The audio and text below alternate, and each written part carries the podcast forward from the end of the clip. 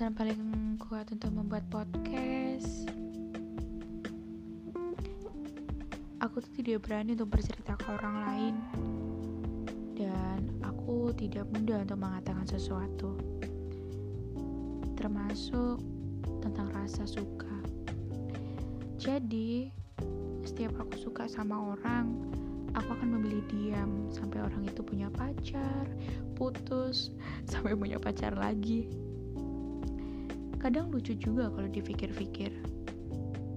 Sudah suka sama dia tapi saling sapa pun tidak pernah. Sebenarnya ini masalah yang sederhana karena setiap orang pernah merasakannya. Banyak kesempatan yang harus saya lewatkan karena saya tidak berani untuk menyampaikannya. Intinya suka sama seseorang. Tetapi kalau mau dijelaskan sampai panjang dan lebar tidak ada hal yang menarik. Tapi ini beneran. Dia itu orang yang aneh tapi lucu. Tapi hal-hal itu yang menjadi menarik kalau ada dia. Hmm jadi geli sendiri kalau aku yang cerita. Terkadang aku suka heran kenapa bisa suka padahal kalau dipikir-pikir dulu aku hanya kagum dengan dia dan sering kali teman-temanku berkata, kenapa bisa suka dengan dia? Kayak gak ada yang lain aja. Dan aku hanya bisa diam dan berkata dalam hati.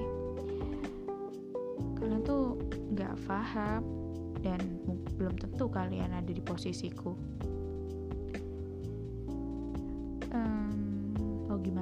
Lagi dong? Aku mau cerita sedetail-detailnya, tapi yang jalanin aku juga dan yang ngerasain aku juga. Kalau mau menjawab aku gak mau orang lain karena orang lain itu bukan dia. Sebenarnya memendam perasaan itu hal yang terseru di dunia tapi kalau sampai ketahuan hmm sudah hilang rasa serunya. Ada kata seperti ini.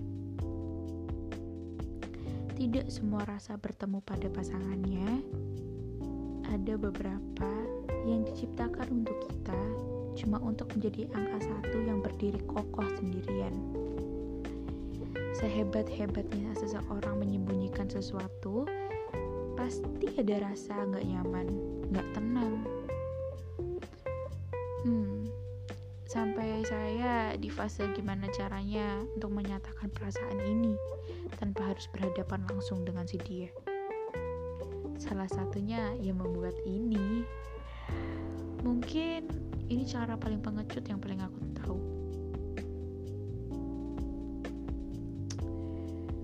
Karena memendam perasaan